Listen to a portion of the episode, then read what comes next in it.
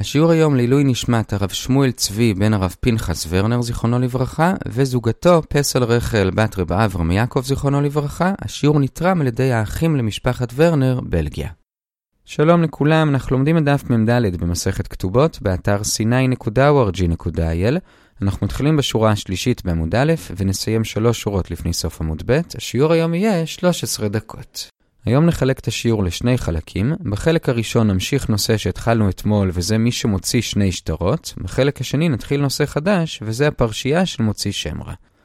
אז אנחנו מתחילים בחלק הראשון, וזה לגבי שני שטרות. נחלק את זה לשני סעיפים. בסעיף הראשון נדבר על שתי כתובות, בסעיף השני על שני שטרות. אז לגבי שתי כתובות, אתמול הזכרנו שלפי רב הונא, אם אישה מוציאה שתי כתובות, כלומר, כתובה אחת שהבעל כתב לה 200, ואחרי זה מוציאה עוד כתובה שהבעל כתב לה 300, אז רב הונא אמר שהיא יכולה לבחור באיזה מהם היא רוצה להשתמש. וראינו שיש יתרון לכאן ולכאן, כי יכול להיות שה-200 אמנם קטן יותר, אבל התאריך שלו יותר מוקדם, ואז היא מרוויחה את האפשרות לגבות מנכסים משועבדים שבאותו זמן היו עדיין אצל הבעל, בכל אופן היא יכולה לבחור. זה מה שאמר רב הונא, ועל זה מקשים מרב נחמן. רב נחמן אמר באופן כללי, שכשאדם מוציא שני שטרות, כמו למשל במקרה של כתובה, או כמו למשל שטרי מכר, הוא לא בוחר באיזה מהם הוא רוצה להשתמש, אלא תמיד השני מבטל את הראשון, והולכים לפי התאריך של השני. בהמשך נסביר למה זה בדיוק נפקא מינה. בכל אופן, הוא לא בוחר, אלא הולכים לפי השני. אז למה רב הונא אמר שהיא בוחרת? עונה הגמרא לפי משהו שאמר רב פאפא, מה שרב נחמן אמר שהשני מבטל את הראשון, זה כששניהם בדיוק אותו דבר. אבל אם בשני יש משהו שאין בראשון, למשל במקרה של שטרי מכר, באחד כתוב שהוא מוכר לו שדה ובשני כתוב שהוא מוכר לו שדה ועט, עץ, אז הוא יכול לבחור, וממילא גם במקרה של שתי הכתובות, כיוון ששם הם לא אותו דבר אחת על 200 ואחת על 300, אז גם כן היא יכולה לבחור. עד כאן הסעיף הראשון. שוב, אם שניהם אותו דבר לפי רב נחמן, השני קובע, אם הם לא אותו דבר, אז היא בוחרת. זה כאמור הסעיף הראשון. בסעיף השני נתמקד במה שרב נחמן אמר, שאם אדם מוציא שני שטרות, אז השני מבטל את הראשון, כלומר הולכים לפי התאריך של השני. לגבי זה נאמר שלושה דברים. קודם כל נסביר למה הנפקא מינה. דבר שני, נראה הגבלות לדין הזה, ודבר שלישי, נראה מה הסברות.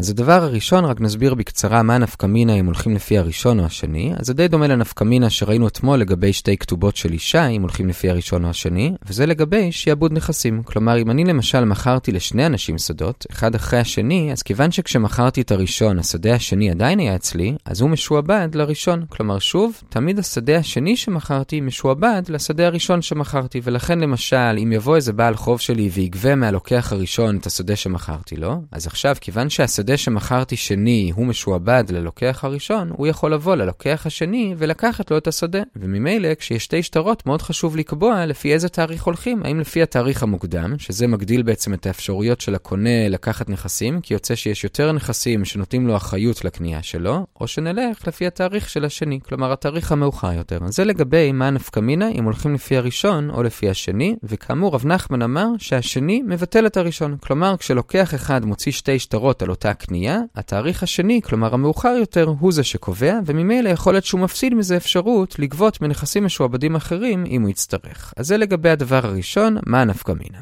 הדבר השני זה כאמור הגבלות. כלומר, אמנם רב נחמן אמר שהולכים לפי השני, אבל זה לא תמיד כך, יש לזה כמה הגבלות. הגבלה ראשונה כבר ראינו זה של רב פאפה, וזה שמה שרב נחמן אמר זה רק אם שני השטרות הם בדיוק אותו דבר. אבל אם בשני יש משהו שאין בראשון, אז כמו שאמרנו מקודם, הוא יכול לבחור. זאת הגבלה אחת.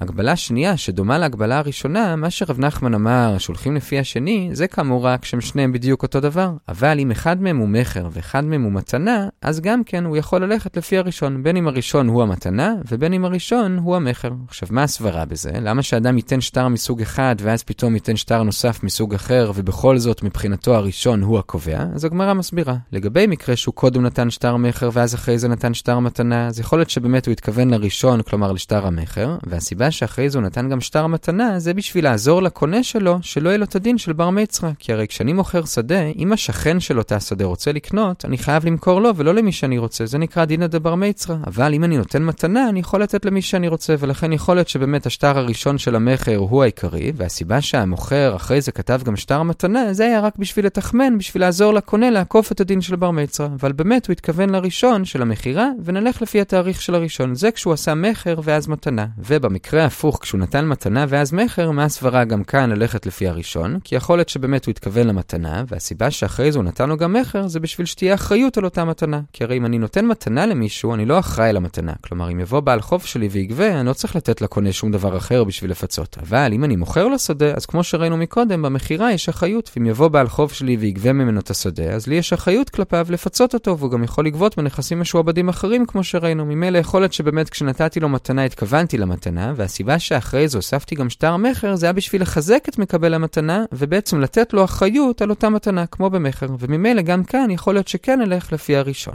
עד כאן ההגבלה השנייה על הדין של רב נחמן, בדרך כלל הולכים לפי השני, אבל זה בתנאי שהם גם כן מאותו סוג, כלומר או שני מכר או שני מתנה, וגם כן שהם כוללים את אותו דבר, ולא שהשטר השני מקיף יותר מהשטר הראשון. עד כאן הדבר השני לגבי רב נחמן, ההגבלות.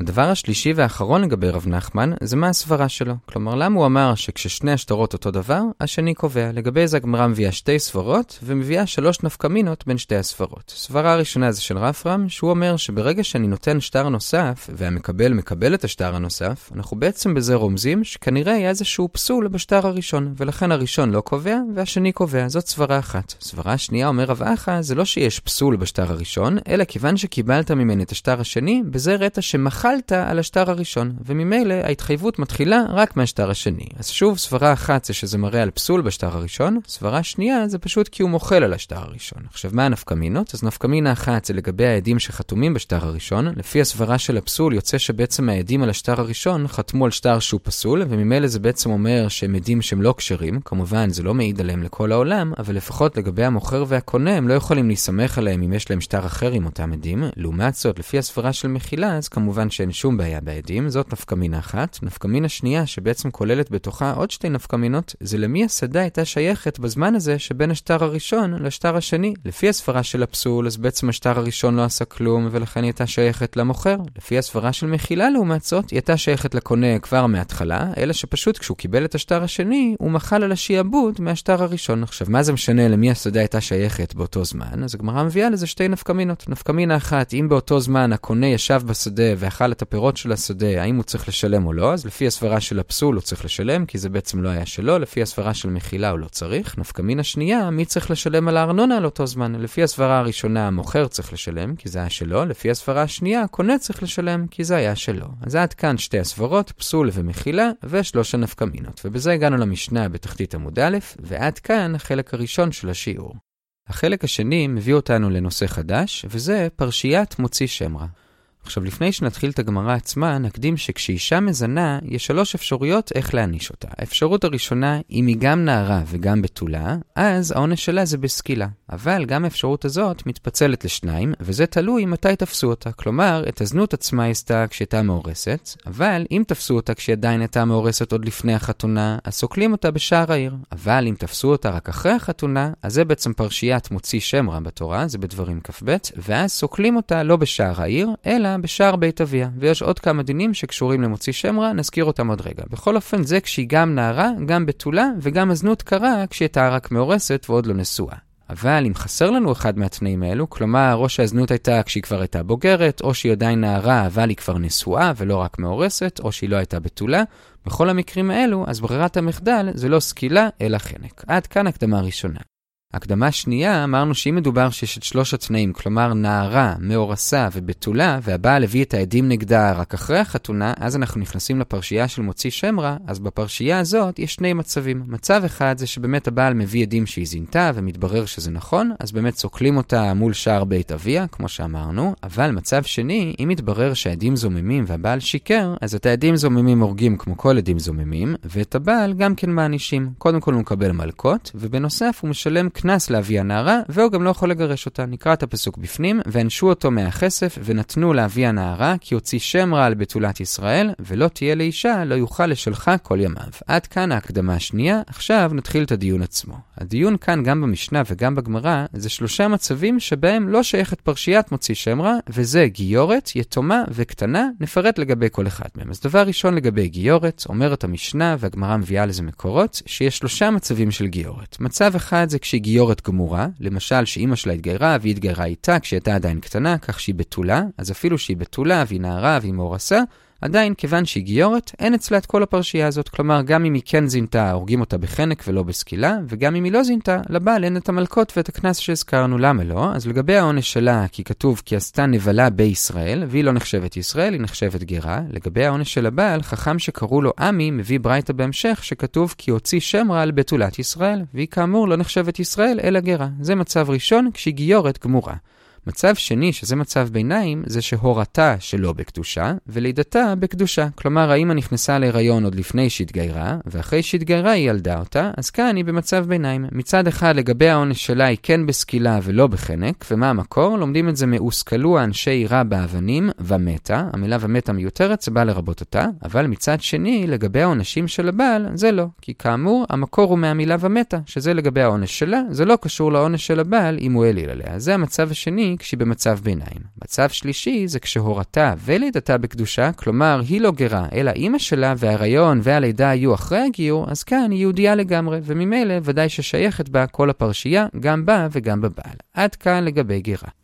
המקרה השני שנדבר עליו זה יתומה, זה ברבע העליון של עמוד ב'. כאן הגמרא לא מדברת לגבי העונש שלה, אם כן זינתה, האם זה בסקילה או בחנק. מה שהיא כן מדברת זה לגבי הקנס של הבעל, וכאן יש מחלוקת אמוראים. רבי יוסי ברבי חנינא אומר שהוא פטור, רב אומר שהוא חייב. מה המקורות? אז רבי יוסי ברבי חנינא לומד את זה מזה שכתוב ונתנו לאביה נערה. ממילא כשאין לה אבא, אז גם אין קנס. והגמרא בסוגריים שואלת למה זה שונה מאונס ומפתה, ששם למרות שאין אבא יש קנס? עונה הגמרא, לא נכון, גם שם אין קנס. מה שאמרנו שם שיש קנס, זה רק כשהאונס או הפיתוי עצמו היה כשהיה אבא, ורק אחרי זה כשדנו את האנס, אז כבר אבא נפטר לפני זה, אז באמת יש קנס. אבל אם גם האונס עצמו היה כשהיא יתומה, אז גם שם אין קנס, כך שזה לא שונה מאצלנו. גם כאן, אם כל הסיפור קרה כשאין לה אבא, אז לפי רבי יוסי ברבי חנינא אין קנס, כאמור למד את זה מ"ונתנו לאבי הנערה". לעומת זאת רבא כאמור אומר שיש קנס. ומה המקור שלו? הוא אומר, כיוון שמקודם הבאנו את הברייתא של עמי, שלמד שלגרה אין קנס, אז זה אומר שליתומה ישראלית יש קנס. למה? כי הרי כל גרה נחשבת כיתומה, כי ברגע שגר מתגייר, הוא כבר לא מתייחס אחרי אביו ואמו, הוא נחשב כאילו שאין לו אבא ואמא. אז אם בכל זאת אנחנו צריכים מקור ללמד אותנו שלגרה אין קנס, כנראה שליתומה ישראלית יש קנס, כי אחרת לא היינו צריכים מקור לגרה, כי הרי גם היא יתומה. אז זה הדעה של רבא, שיש קנס. ועד כאן לגבי יתומה. המקרה השלישי והאחרון שנדבר עליו זה לגבי קטנה. כאן הדין הוא מאוד ברור, קטנה לא שייכת לכל הפרשייה הזאת, כי הרי גם אם היא זינתה, קטנה היא לא בת עונשין, כלומר ודאי שלא סוקלים אותה, אז קטנה היא ודאי מחוץ לעסק. עכשיו בכל זאת, בא ריש לקיש וגם מביא לזה לכאורה מקור, וזה שכאן כתוב נערה בארבע אותיות, כלומר נון עין ריש ה', בניגוד למשל לפרשיית אונס, ששם כתוב את זה רק בשלוש אותיות, נון עין ריש, ולכן הוא אומר אצלנו זה דווקא נערה, ואילו שם זה גם קטנה. זה לכאורה מה שריש לקיש אומר, אבל הגמרא מקשה, לא יכול להיות שריש לקיש מתכוון להביא מקור אצלנו שזה לא קטנה. כי הרי אצלנו במוציא שם רע לא צריך מקור, כי כמו שאמרנו, ודאי שלא הורגים קטנה. אלא מסביר רבח אבר אבא, שמה שריש לקיש התכוון לומר, זה לא מקור לזה שאצלנו זה לא קטנה, אלא מה שריש לקיש אמר, שכמו שאצלנו ודאי זה לא קטנה. ואנחנו רואים שזה כתוב בארבע אותיות, אז מכאן מקור למקומות שבהם זה כתוב בשלוש אותיות, כמו באונס, ששם זה כן כולל גם קטנה. זה מה שריש לקיש התכוון לומר, שוב, לא להביא מקור למוציא שם רע, אלא ללמוד ממוציא שם רע לתחומים אחרים, שכשזה שלוש אותיות, זה גם קטנה. עד כאן לגבי קטנה, בזה הגענו לשלוש שורות לפני סוף עמוד ב', נעצור כאן, נחזור על מה שראינו. בחלק הראשון דיברנו על שני שטרות היוצאים זה אחר זה. לגבי כתובה הזכרנו את מה שראינו אתמול, שרבונה אמר שיכולה לבחור אם נשתמש בראשון המוקדם יותר אבל הקטן יותר, או בשני המאוחר יותר אבל הגדול יותר. הקשינו על זה מרב נחמן שאמר שהשני מבטל את הראשון, וענינו שזה דווקא כשהם שניהם אותו דבר, אבל כאן כיוון שהם לא אותו דבר, אז היא יכולה לבחור. אחרי זה בסעיף השני שם התמקדנו ברב נחמן עצמו, שאמר שהשני מבטל את הראשון, וראינו על זה שלושה דברים. דבר ראשון, הסברנו מה הנפקמינה של זה לגבי שיעבוד קרקעות. דבר שני, ראינו שתי הגבלות. הגבלה של רב פאפה שהזכרנו, שזה דווקא כשהם על אותו דבר, והגבלה שנייה דומה לזה, שזה דווקא כשהם אותו סוג של שטר, כלומר או שני מכר או שני מתנה, אבל עם אחד מכר ואחד מתנה, הוא יכול להשתמש גם בראשון, וראינו מה הסברה, למה שאדם יכתוב שטר מכר או שטר מתנה, ואחרי זה יכתוב שטר מתנה או שטר מכר בהתאמה, ובכל זאת יתכוון לראשון. הסברנו שאם קודם היה מכר, יכול להיות שאחרי זה הוא כתב מתנה בשביל למנוע דין בר מצרה, ולהפך, אם קודם היה מתנה ואז מכר, יכול להיות שהוא כתב את המכר רק בשביל לתת למקבל אחריות. בכל אופן, כאן הוא יכול ללכת לפי הראשון.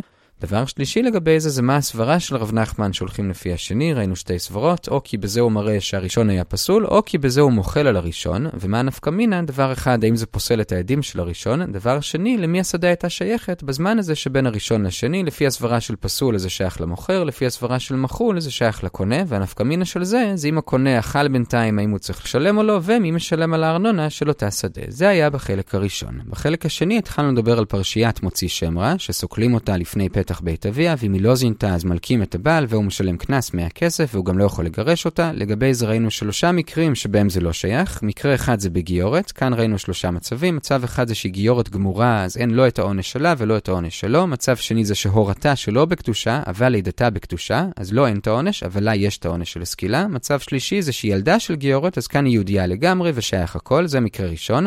מקרה שני זה יתומה, לגבי העונש שלה לא דיברנו, אבל לגבי הקנס של הבעל, רבי יוסי ברבי חנינא אומר שהוא פטור, כי כתוב ונתנו לאבי הנערה, והוא הסביר שגם באונס, אם האונס עצמו גם כן קרה כשהיא הייתה יתומה, גם אז הוא יהיה פטור. לעומת זאת רבא אומר שבמוציא שם רע הוא חייב, והוא לומד את זה מזה שהיה צריך להביא מקור לזה שבגרה הוא פטור, והרי כל גרה נחשבת כיתומה, אז כנראה שיתומה ישראלית הוא כן חייב. ודבר אחרון לגבי קטנה, בקטנה ודאי שאין את כל הפרשייה הזאת, כי אי אפשר להעניש אותה, ולמסקנה ריש לקיש למד מכאן שכיוון שכאן כתוב בארבע אותיות נערה, אז במקומות כמו באונס שכתוב בשלוש אותיות, הכוונה היא לא רק נערה, אלא גם קטנה. כל הטוב.